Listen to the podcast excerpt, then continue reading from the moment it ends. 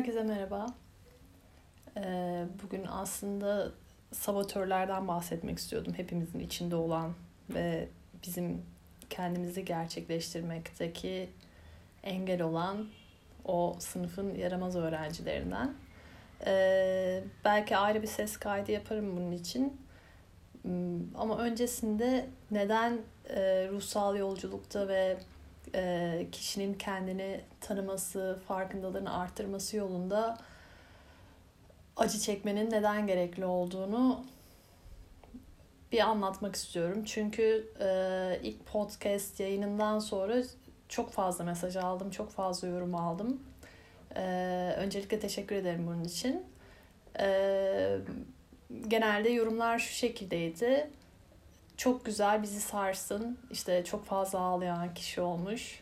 Ee, özellikle ben kimim sorusuna cevap bulamadığında panikleyip ben hala bunun cevabını bilmiyor muyum farkındalığını yaşadığı için. Ee, ve hani ilkinde bizi bir tokatladın, kendimize getirdin, ee, bir soydun. Şimdi artık bundan sonra bizi biraz toparla, hani güzel şeyler söyle ee, gibi yorumlar aldım. Bunlar elbette ki olacak ama e, şunu bilmek çok çok önemli. Ve bizim artık bir anlaşma yapmamız lazım. Bundan sonra hepimiz birlikte görünmez bağlarla bağlı bir aile olacağız aslında. Ve e, bu yolculukta kendimizle yüzleşmemiz gerekecek. Bunu yüzleşirken de öncelikle o karanlık yönlerimizin farkında olmamız gerekiyor. İşte mesela benim konuşacağım sabotörler bunlardan biri. Bunlarla yüzleşmeden aydınlanabilmek zaten mümkün değil. Yani o bastırdığınız karanlık yan bulduğu ilk fırsatta ortaya çıkacak. Şöyle düşünün, bir yolculuk dedim buna. E, hayatınızdaki sevdiğiniz insanlar, bunlar arkadaşlar, sevgiliniz, eşiniz, dostunuz olabilir. Biz ne yapıyoruz? Onları yarı yolda bırakmıyoruz asla. İyi günde, kötü günde onlarla birlikteyiz. Peki biz niye bunu kendimize yapamıyoruz? Yani kötü tarafımızla yüzleştiğimizde hemen onu kapatmak için dışarıya yöneliyoruz. İşte dizi izliyoruz, müzik dinliyoruz. İşte dışarıda güzel bir akşam yemeği yapıyor yapıyoruz, alışveriş ediyoruz. Ee, yani kafamızı aslında bir şekilde o karanlık yönden uzaklaştırmak için özellikle e, stres dolu olduğumuz dönemlerde bu fark edin. Kendinizden kaçtığınız dönemde eve bile girmek istemezsiniz. Yalnız hiç kalmak istemezsiniz. Sessizlik sizi aşırı rahatsız eder. O yüzden zaten meditasyon yapın yapın diye e, bastırıp duruyor herkes. Çünkü anca sessizlikte doğru cevapları bulup e, gerçek yönünüzle karşılaşabiliyorsunuz. Yani Mevlana'nın söylediği şafağın sana söyleyecekleri var. Uykuya geri dönmenin asıl anlamı o. Zaten uykuda geçirdiğimiz bir ömür var. Ee, ilk podcast'te bahsettiğim eğitim sisteminin toplumu zaten bizi sürekli uyutmaya çalışıyor. Zaten kendimizden uzaklaştırmak için kurulmuş bir düzen var. Zaten tüketmek üzerine kurulu her şey. Ama siz o karanlık yönle barıştığınız zaman, onu sarıp bir çocuk gibi sarmaladığınız zaman o zaman işte 360 derece bütün yönlerinizin farkında olduğunuz için artık daha mutlu bir birey olmaya ve kendiniz olmaya başlıyorsunuz. Çünkü biri birinden daha kötü ya da iyi değil aslında. Hepsini size öğretmeye çalıştığı bir şey var. Ve bunu nasıl öğreniyoruz aslında? Duygularımızın farkında olarak. Yani biz istiyoruz ki hep mutlu olalım, hep sevgi dolu olalım, hep neşeli olalım, hep olumlu duygular yaşayalım. Ama bu öyle bir şey değil. Yani siz öfkelendiğinizde, kızdığınızda, birinden nefret ettiğinizde, kıskandığınızda bunlar size bir şey söylüyor ruhunuzla ilgili. Bir ihtiyacınızı aslında anlatıyor. Yani bunları kapatıp hep pozitif olacağım diye e, ve insanlar beni sevsin diye içeride aslında bir şeyleri yok ediyoruz. Ve onlar e, işte o sabatörler dediğimiz yerler çıkıyor karşıya. Ve o zaman siz e, kendiniz olma olasılığını orada kaçırmaya başlıyorsunuz aslında. Ve bu değişim nasıl başlıyor? Ee, eğer hepimiz bir şekilde cesaret gösterirsek kendimizle yüzleşmeye, o karanlık taraflarımızla o zaman işte başkasının da karanlık yönünü gördüğünde ona o kadar öfkelenmemeye başlıyorsun. Çünkü o yönün bir dönem sende de olduğunu ve içeride bir şeylerin acı çektiğini fark ettiğin için ona anlayış gösteriyorsun. Bu kadar kişisel algılamıyorsun. Onun sadece senin üzerinde bir projeksiyon yaptığını fark ediyorsun. Ee, bu konuda çok tavsiye edeceğim bir kitap var. Başlarken okumanızı isterim. Işığı Arayanların Karanlık Yanı diye. Şimdi yazarını hatırlamıyorum ama internetten e, bakabilirsiniz. Orada çok güzel egzersizler var. Benim kendi tecrübem şöyle olmuştu e, kitabı okurken. İlk iki pratik şu şekilde yani kitap önce bir bahsediyor şeyi söylüyor. E, karşı tarafta gördüğün her şey sende vardır. Çünkü insan kendinde olmayan hiçbir şeyi göremez, fark edemez. Ancak senin bilmen gerekiyor. Böyle bir şey mümkün olsaydı zaten köre kırmızıyı anlatmak daha kolay olurdu. Yani senin önce bir kırmızı rengin ne olduğunu biliyor olman lazım ki ondan sonra karşı tarafta kırmızı var mı yok mu yok anlayabil. Yani eğer bende kıskançlık duygusu yoksa karşı tarafın kıskançlığı beni çok fazla ne bileyim rahatsız etmez. Ama bu benim bastırdığım bir duyguysa kıskançlığa karşı inanılmaz bir öfke, e, üzüntü ya da işte bilmiyorum orada bir tepkime oluşmaya başlıyor. E, ilk iki pratikte ilkinde bir asansöre biniyorsunuz ve yerin yedi kat, kat altına iniyorsunuz. Ve orada kendinizin en wise, böyle en bilge, en mükemmel halini görüyorsunuz.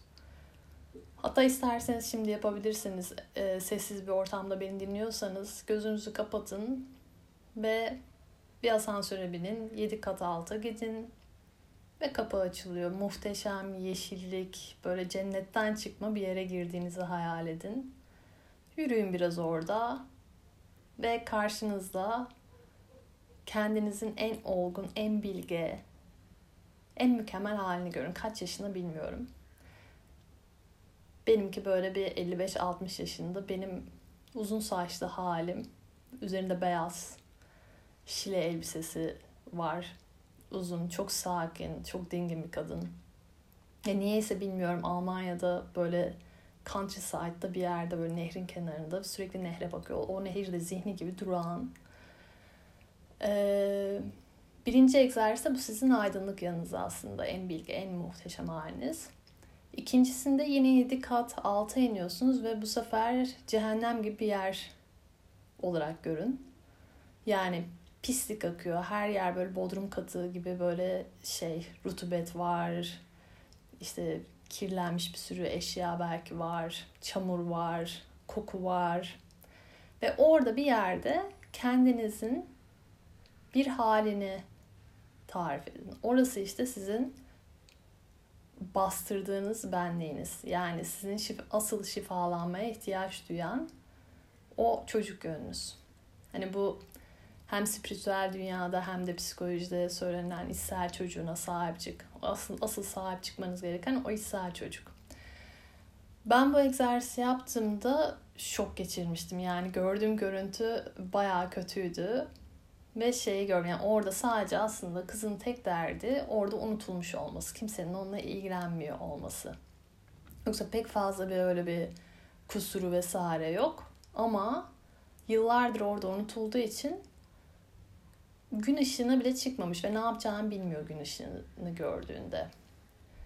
Bu bende inanılmaz bir e, harekete geçme isteği yarattı. Yani benim o kızı şifalandırmam gerekiyor. Ona sahip çıkmam, ona annelik yapmam gerekiyor.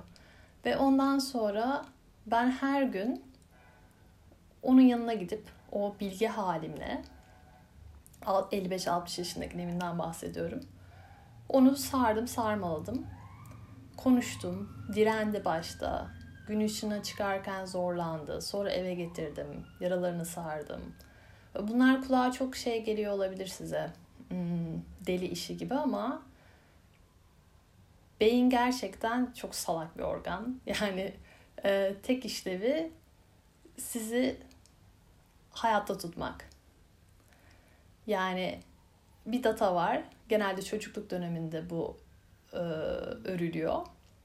Ve o dataya göre sadece bildiği yerden sorular gelsin hep istiyor. Eğer bildiği yerden sorular gelmiyorsa onu o kalıba sokmaya çalışıyor. Yani ben çocukken eğer yetersiz ve değersiz olduğuma inandırıldıysam hayat boyu her şeyi buna göre okurum. Bu benim şemamdır.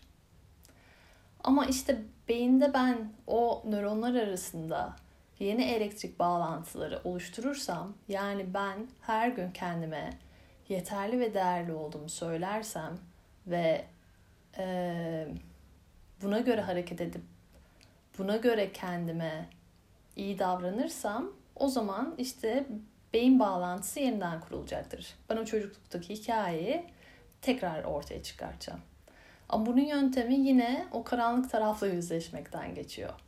Yani siz önce yetersiz ve değersiz olduğunuzu, bu hisse sahip olduğunuzu, bu travmanızın olduğunu kabulleneceksiniz ki neyle mücadele etmeniz gerektiğini iyi biliyor olmanız lazım. Yani düşmanlarınızı iyi tanıyacaksınız.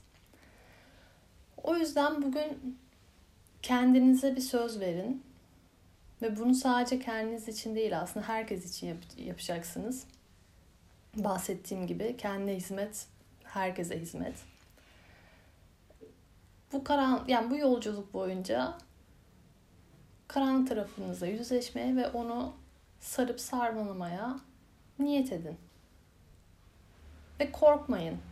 Yani canınızın acımasından korkmayın, ağlamaktan korkmayın. Ağlamak demek şifalanmak demek. Ee, tüm kayıtlarımda muhtemelen çocuklara değineceğim. Benim çok çok hassas olduğum bir konu ama asıl ortaya çıkmasınız sebebi benim kendi içsel çocuğumla olan ilişkimden kaynaklanıyor. Yani ben onu şifalandırdıkça, onunla konuştukça, ona iyi ebeveynlik yapmaya çalıştıkça otomatik olarak çevremde zaten ebeveynlerin çocuklara nasıl davrandığını, bunun o çocuğa neler yaptığını, sonuçların ne olduğunu daha iyi gözlemleme ve daha reaktif olmaya başladım açıkçası.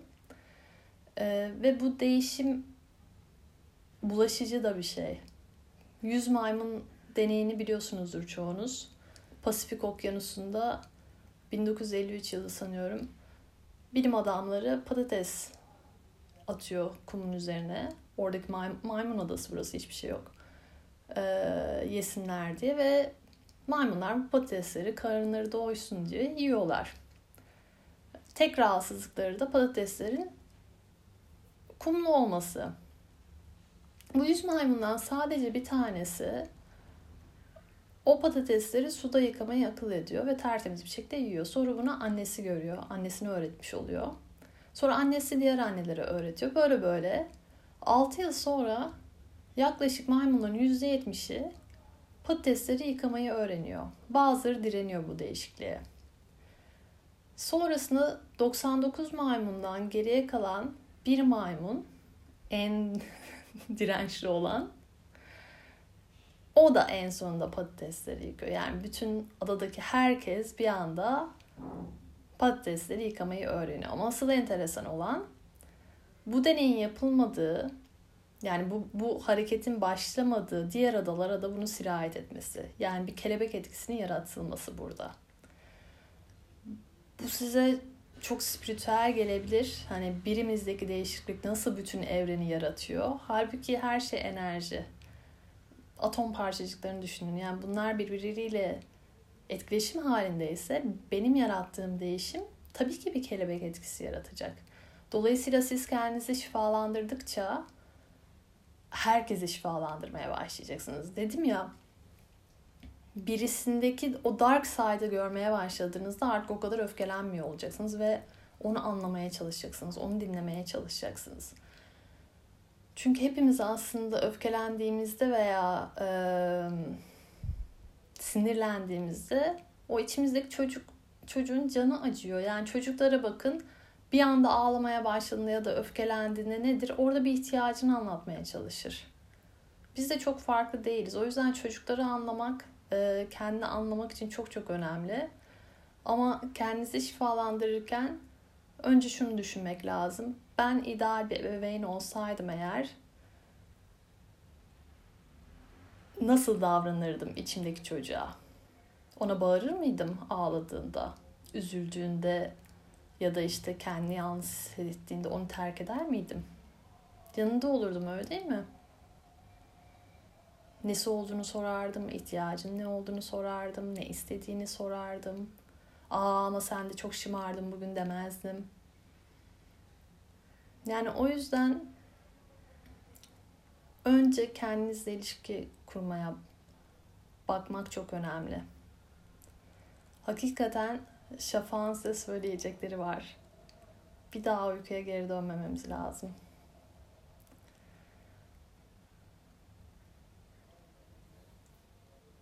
Görüşmek üzere. Sevgiyle kalın.